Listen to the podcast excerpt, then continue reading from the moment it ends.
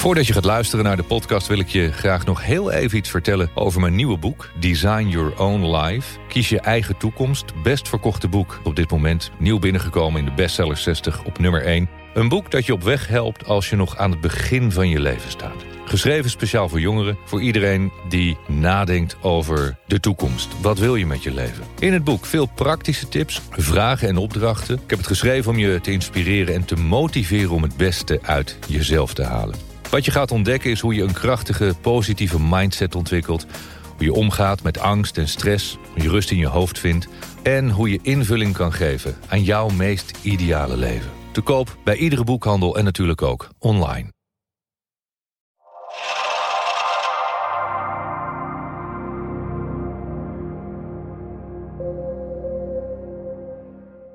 Maakt geld gelukkig?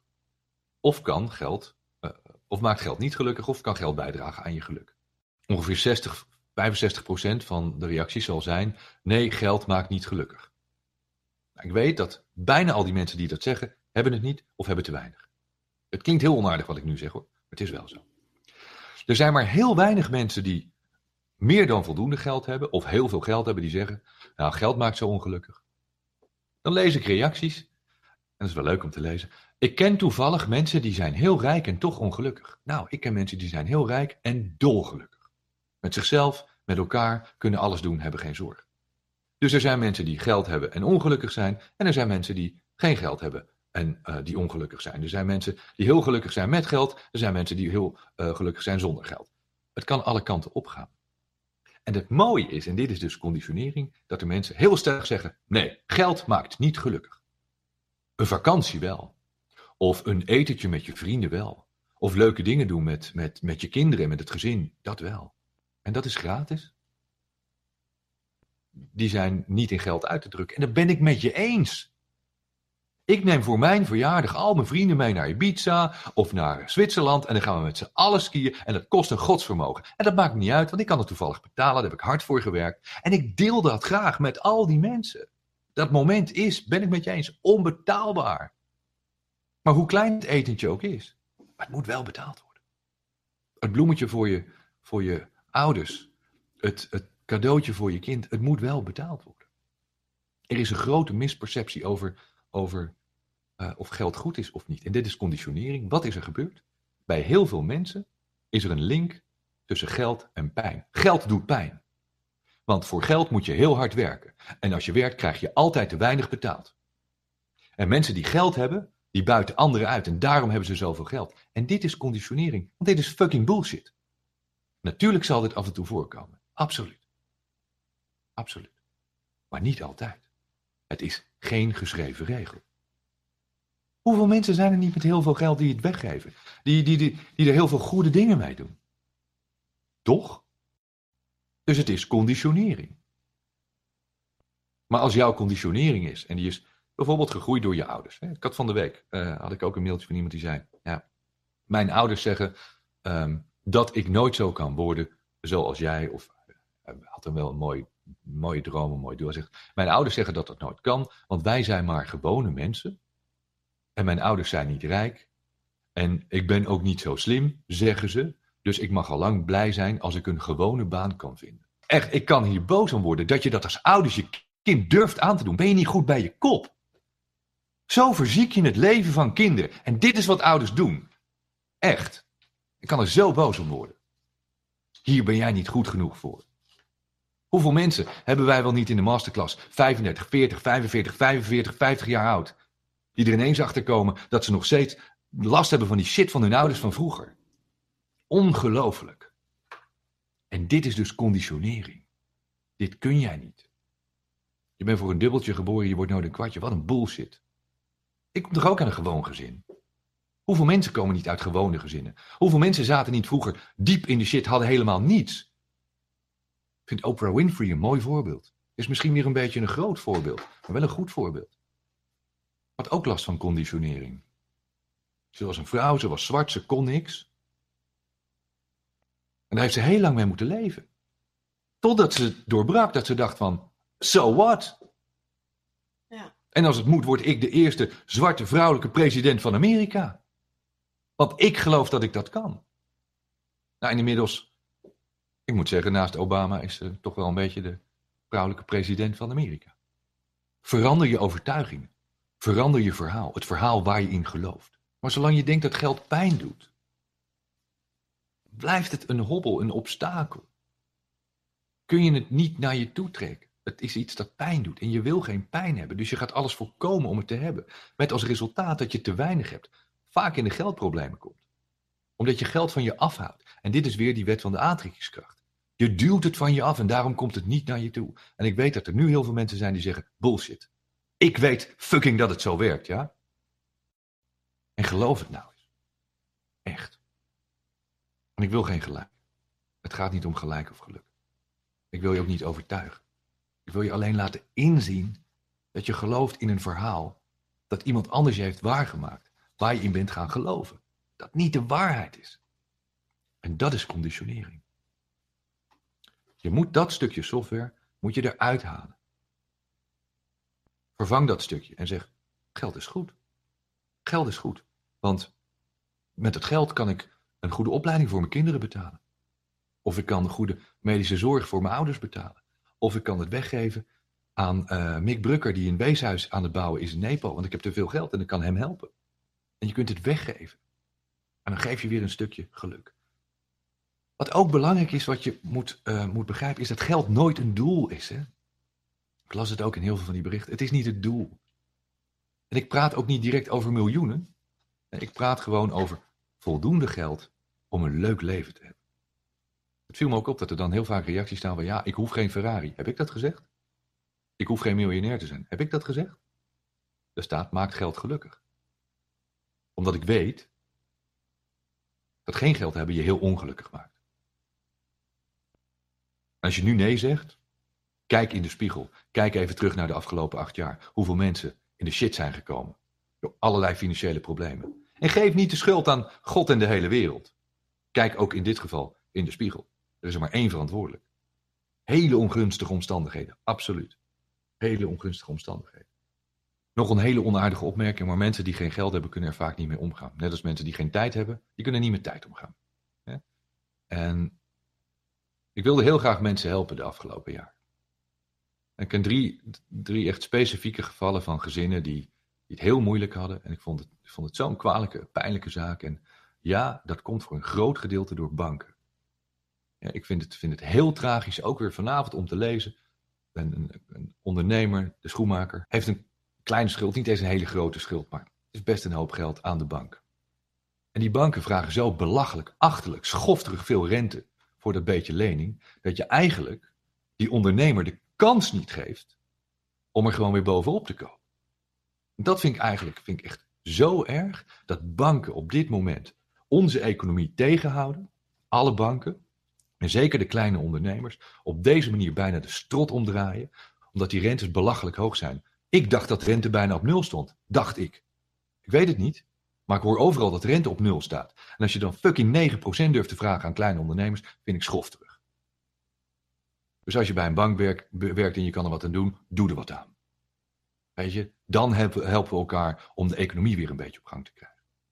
Je hebt wel eens uitgelegd dat verhaal van die zeven mensen in je omgeving, hè, waar je zelf in het midden staat. Je moet zorgen dat je positieve, inspirerende, gepassioneerde mensen om je heen hebt, van wie je kunt leren, mensen die je omhoog tillen. En nou zegt uh, deze meneer of mevrouw, um, ik, ik, herken dit, ik vind het wel.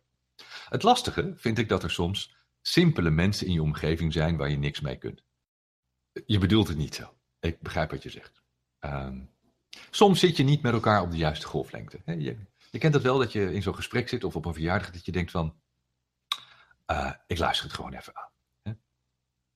Hoe ga ik om met die niet-zeggende gesprekken over niks? Ja, misschien herken je ze wel dat je denkt van, hé, hey, uh, ik heb ook wel eens van die gesprekken dat ik denk, wat doe ik hier? Is dit niet zonde van mijn tijd? Wat doe je dan? Want ook deze persoon zegt: Ik wil netjes en respectvol blijven. Dat is, dat is goed. En je moet natuurlijk altijd netjes en respectvol blijven. Maar ja, als iemand al zijn gal en zijn shit en zijn onzin en zijn nietzeggende bullshit over je heen uitstort. En dat duurt een kwartiertje of wat. En na een paar uur is hij nog bezig. Dan is het best netjes om te zeggen: van nou, weet je, ik, uh, ik heb denk wel genoeg gehoord. Misschien, even, even naar de wc. misschien moeten we dit gesprek even afronden. Ik denk dat je dat na een minuutje of 10 of 15 best wel netjes kunt afronden. Maar je moet dit structureel aanpassen. Wat gaat er namelijk fout? Dat als jij vaak dit soort mensen om je heen hebt, die voor jouw gevoel allerlei niet-zeggende gesprekken voeren, hè, simpel zijn. Ik wil niet zeggen dat mensen simpel zijn, dat is het niet. Maar het zijn, eh, komt even een helikopter over hoor ik. Het zijn van die gesprekken dat je denkt van ja, wat moet ik ermee? Hou het dan zo kort mogelijk. Probeer het uit de weg te gaan. Er is niks asociaals of egoïstisch of onaardigs aan. Zoek mensen met wie je wel leuke gesprekken kunt voeren. Doe ik ook. Ik ben zo bot om, om wel tegen mensen te zeggen als het, als het echt alleen maar zeiken is en ellende en klagen over van alles en nog wat en het gaat werkelijk over niks. Dan zeg ik van joh, wat vind je er zelf van? Ik vind het niet echt gezellig. Dus ik uh, stop ermee, ik ga weg en ik kom ook niet meer terug. Want ja, ik vind dit zonde van mijn tijd. Dan zeggen mensen, nou dat vind ik onaardig of bot of nou I don't care. Als het niet gezellig is, dan hoeft het van mij niet. Tijd is kostbaar. Geld is er meer dan voldoende in deze wereld. Echt. We weten niet waar we het moeten laten. Zoveel geld is er. Maar tijd is kostbaar en zeldzaam. Er komt niet meer tijd. Dus gebruik je tijd nuttig. Om te spenderen met mensen van wie je houdt. Die je leuk vindt. Mensen die je lief hebt. En laat al die niet-zeggende gesprekken dan maar achterwege. Ja, zou wel eens heel stil kunnen worden. Ja, besef ik me ook ineens. Dus op die manier. Hè? En je weet best wel wanneer je denkt van nou, uh, tot hier en niet verder. Blijf netjes en respectvol, maar verzamel echt mensen om je heen. En dat, dat gebeurt dus als je in zo'n groep zit. Als je uh, die mensen ontmoet die in de groep zitten die meedoen met de masterclass. We merken het ook tijdens de tweedaagse masterclass. Volgende week hebben we er weer eentje in Soesterberg. Um, dan zitten we daar met, met 70, 80 mensen. En je voelt de connectie, de verbinding ineens. Omdat het allemaal mensen zijn met een gelijke doelstelling. Werken aan zichzelf, persoonlijke ontwikkeling, de beste versie van jezelf worden. Op zoek naar hoe kan ik mijn doelen waarmaken, succesvol ondernemen, hoe kan ik gelukkig worden, hoe kan ik mijn, mijn mooiste, mijn leukste leven leiden. dus je, je vindt soulmates. En daardoor krijg je van die gesprekken die misschien wel ergens over gaan. Op dit moment ben ik uh, erg bezig met mijn persoonlijke ontwikkeling, maar mijn omgeving heeft daar niet zo heel veel mee. Ik probeer direct altijd te analyseren wat je zegt. Moet je ook doen. Ja, als je zoiets opschrijft, direct even nalezen en denken van, wat schrijf ik nu eigenlijk? Wat bedoel ik? De vraag is, vaak is wat we opschrijven of wat we zeggen helemaal niet wat we bedoelen. Luister maar eens naar mensen in je omgeving de komende dagen. En luister dan goed of wat ze zeggen ook daadwerkelijk is wat ze bedoelen. Jij schrijft, op dit moment ben ik erg bezig met mijn persoonlijke ontwikkeling maar mijn omgeving heeft daar niet zoveel mee. Nee, helemaal niks zelfs. Want het is jouw persoonlijke ontwikkeling. En daar heeft niemand iets mee te maken. Snap je? En jij voelt je daardoor opgelaten. Hoezo? Jij hebt ook het gevoel dat ik uh, niet mezelf kan zijn, zeg je. Omdat er mensen natuurlijk iets van vinden. Ze hebben kritiek op je, ze vinden het raar, ze vinden het niet nodig, ze vinden het onzin. Dat kan. Dat is hun goed recht. Ik zeg altijd, ik ontwikkel mezelf. Ik vind dat leuk, ik lees boeken. Um, doordat ik dat doe. Um, en ik heb gezien met, met mensen die dat ook doen, hè, zoals jij dat nu doet. Mensen die het afgelopen jaar mee hebben gedaan met de tweedaagse masterclass, met online masterclass. Mensen die ik heb geholpen met, uh, met Skype coachings die hebben uh, soms hun omzet verdubbeld of verdrievoudigd of vervijfvoudigd als ondernemer. Ik had twee ondernemers die hebben uiteindelijk hun bedrijf verkocht voor een paar miljoen. Um, ik heb mensen gehad die zwaar depressief waren, uh, al jarenlang aan allerlei vervelende medicijnen zaten. En nu na een paar maanden zeiden van, weet je, ik ben zo blij dat ik jou heb ontmoet. Ik ben vrijwel van alle medicijnen af. Ik voel me happy, gelukkig, ik ben in balans, ik ben gestopt met roken. Ik ben van de alcohol af. Er was een dame die was zwaar alcoholist, is ermee gestopt. Ze rookt al maanden niet meer. Weet je, het kan alle kanten op gaan als jij aan jezelf werkt. En de fucking omgeving heeft er niks mee te maken. En dat zij willen blijven waar ze zijn, laat ze. Maar laat jezelf niet naar beneden trekken door die mensen om je heen. Je hebt andere mensen om je heen nodig.